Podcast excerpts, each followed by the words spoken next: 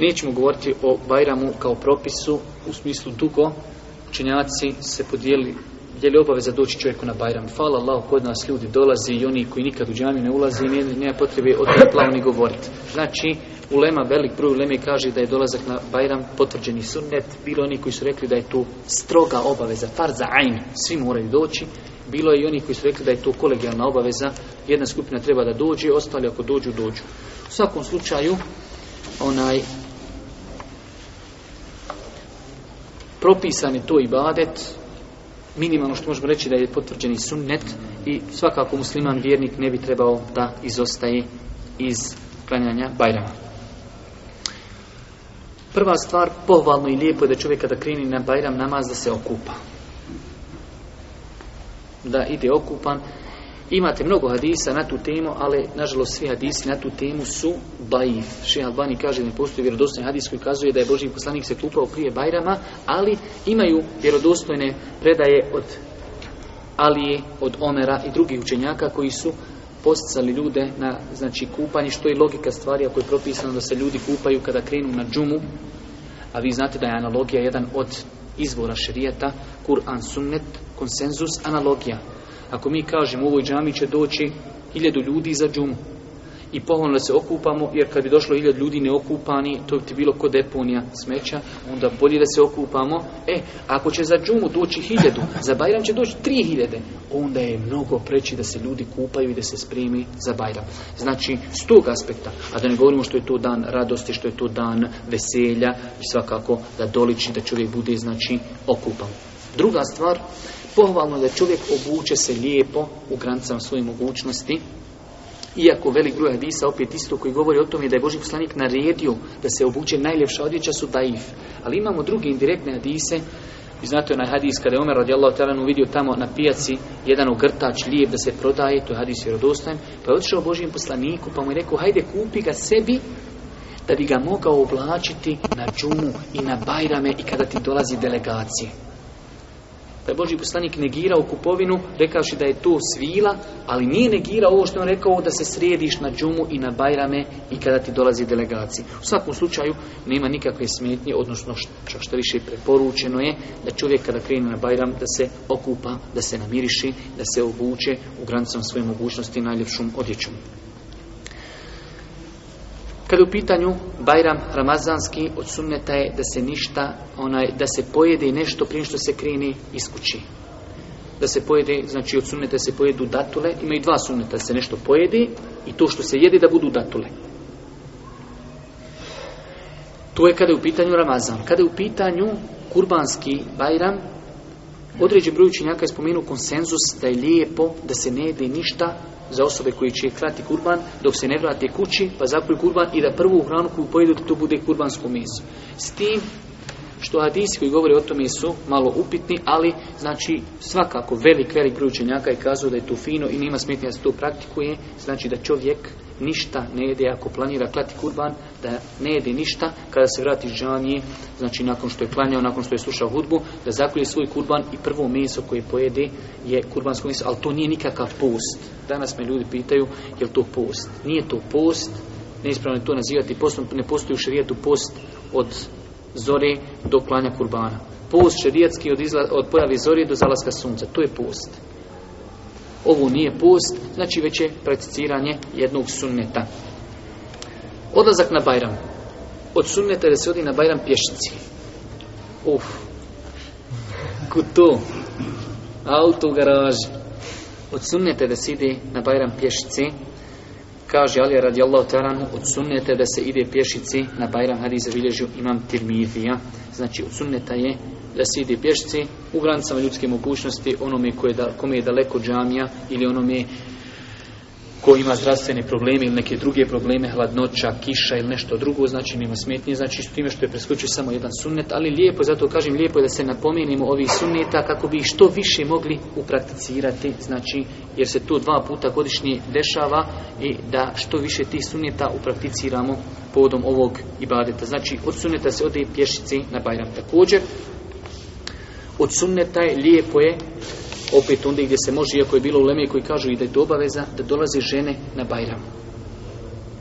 Boži poslanik kada bi klanjao Bajram, bila je musalla, klanjalo se na otvorenom i žene su stajale po strani i kada bi držao hudbu, otišao bi onda kod žena, pošto je bilo dalje, nisu čule, pa bi za njih poseban dio hudbe držao.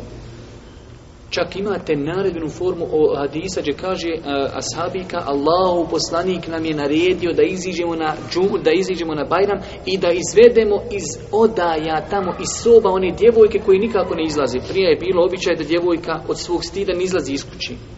Kod nas sad kontra sve. Sad znači mrši utrat u kuću. To je sve napad. E, kaže ona čak nam je naređeno i te djevojke koje nikad nigdje ne izlaze iz kuće od svog stida hajde izađite na prisutu kaže tekbirima i dovama i hudbi razumiješ tako da od sunneta je propisano je u onim džamijama gdje ima uvjeta znači i treba taj sunnet oživljavati da žene dolazi na bajram čak učenjaci kažu Pogotovo ako se određena hudba prenosi putem televizije ili radije, makar tu žena ne bilo, odsunete da se jedan dio hudbe posvjeti ženskoj populaciji. Znači da se govori o propisima vezanim za ženu i njenoj ugovornosti i brigu za djetom i pokornost mužu ili neki drugi stvari, uglavnom da se jedan dio hudbe posvjeti samo ženskoj populaciji. Normalno, onda gdje žene ne dolaze, nema potrebe to učiniti od sunneta je od sunneta da se kurban da se bajram klanja na otvorenom na musalli i samo ima jedan hadis da Allahu poslanik jedne prilike klanja u bajram u džamii al taj hadis isto daif da kao da je to čini zbog kiše taj hadis je daif znači i svi hadisi ostali potvrđuju činjenicu da Allahu poslanik klanja u bajram namaz na otvorenom prostoru normalno kod nas je taj sunnet zapostavljen klanja se u džamii tako da onaj ne treba oko toga praviti nikakvu frku. Što se tiče kada se Bajram klanja na musalli, čovjek samo dođe na musallu i sjedni. Klanja Bajram namaz bez ezana, bez ikameta, bez znači na file, ništa. S tim što kod nas je propis drugačiji, kod nas se Bajram klanja u džamiji, Bajram nema znači svoju na filu prije, Ali ulazak u džamiju ima svoj propisa, to je tehijetul mesčid, i propisan da čovjek koji dođe u džamiju, želi da klanja bajram, ušao u džamiju, Boži poslanik kaže, Iza dehal ehadu kul mesjid, fela jeđlis hata yusalli rekaten, kada neko od vas uđe u džamiju, neka ne sjeda dok ne klanja dva rekiata. Znači čovjek koji došao na bajram, hoće da klanja bajram, klanja će dva rekiata, pozdrava džami, tehijetul mesjid, nije etahijatul mešćid, već etahijatul mešćid. Pozdrav mene, neki dan jedan brat nazva, kaže ona etahijatul mešćid. Ili kakav je propis? Reko, takav je propis. Nije etahijatul mešćid, već etahijatul mešćid. Pozdrav džami. Znači čovjek koji klanja se, kada se u pitanju klanja Bajram u džami, kada dođe u džamiju, klanja će dva rekiata pozdrava džami, bez obzira kad ušao. Bez obzira kada ušao u džamiju. to u džami. A što se tiče klanjanja na musalli, Znači, Bajram se klanja bez ezana, bez ikameta, bez nafile. Čovjek samo dođe i sjedne na musallu, klanja, sluša hudbu i odlazi kući. Što se tiče kako se klanja Bajram, mi o tome nećemo govoriti. Govorit samo o jednoj stvari, jer mi klanjamo, alhamdulillah, u džematu. U svim džematima se klanja na isti način. Tako da, onaj, ne treba oko toga nešto plaho, onaj, postoji razilažnik kod islamskoj učenjaka, znači po konsensu učenjaka se uči na glas, klanji se dva rekiata, jedino poslije razilaženje onim dodatnim tekbirima, kad se za Bajram doda, dodaju tekbiri, znači neki učinjeni su kazali pet tekbira, neki sedam, neki tri, u svakom slučaju, po konsensu Leme, ti tekbiri su sunnet. Što znači, kad bi klanjali Bajram bez onih tekbira dodatnih, onaj namaz je validan. Po određenom broju učenjaka suneti da se prilikom Bajrama dižu ruke. I to je naš hanetijski mesep, iako zato, nažalost, ne postoje hadisi, jer odostojni imamo vjerodostojne hadise u Buhari muslim da je Boži poslanik u namazu dizu tri puta a što tiče Bajrama ne postoji vjerodostojne hadise ali eto znači naš mesed anefijski koji se prakticira na našem podneblju zastupa mišljenje i mnogi drugi isto da se prilikom kranjanja Bajrama kod tekbira dižu ruke nema smetnjiša da se to čini iako znači ne postoje validni dokazi Lijepo je po velikom broju islamskih učenjaka nije obaveza lijepo je da se sasluša bajramska hudba i svakako da ima tu koristi i onaj treba saslušati bajramsku hudbu, ali ako je čovjek imao neku, neku veliku obavezu, pa morad nije izići, ima vremena sluša hudbu, inšala njegov bajram je validan, s tim što je svakako, kažemo, bolji kad je već došao na kanju, se pogotovo oni naši što dođu samo dva puta godišnji, njih treba zatvrti vrata i do podne im vajziti, onaj, ali znači u svakom slučaju treba saslušati hudbu. Imate poznati propise u ove godine nije, ali se znao u zadnjih par godina dešavalo se da Bajram se potrepi sa petkom.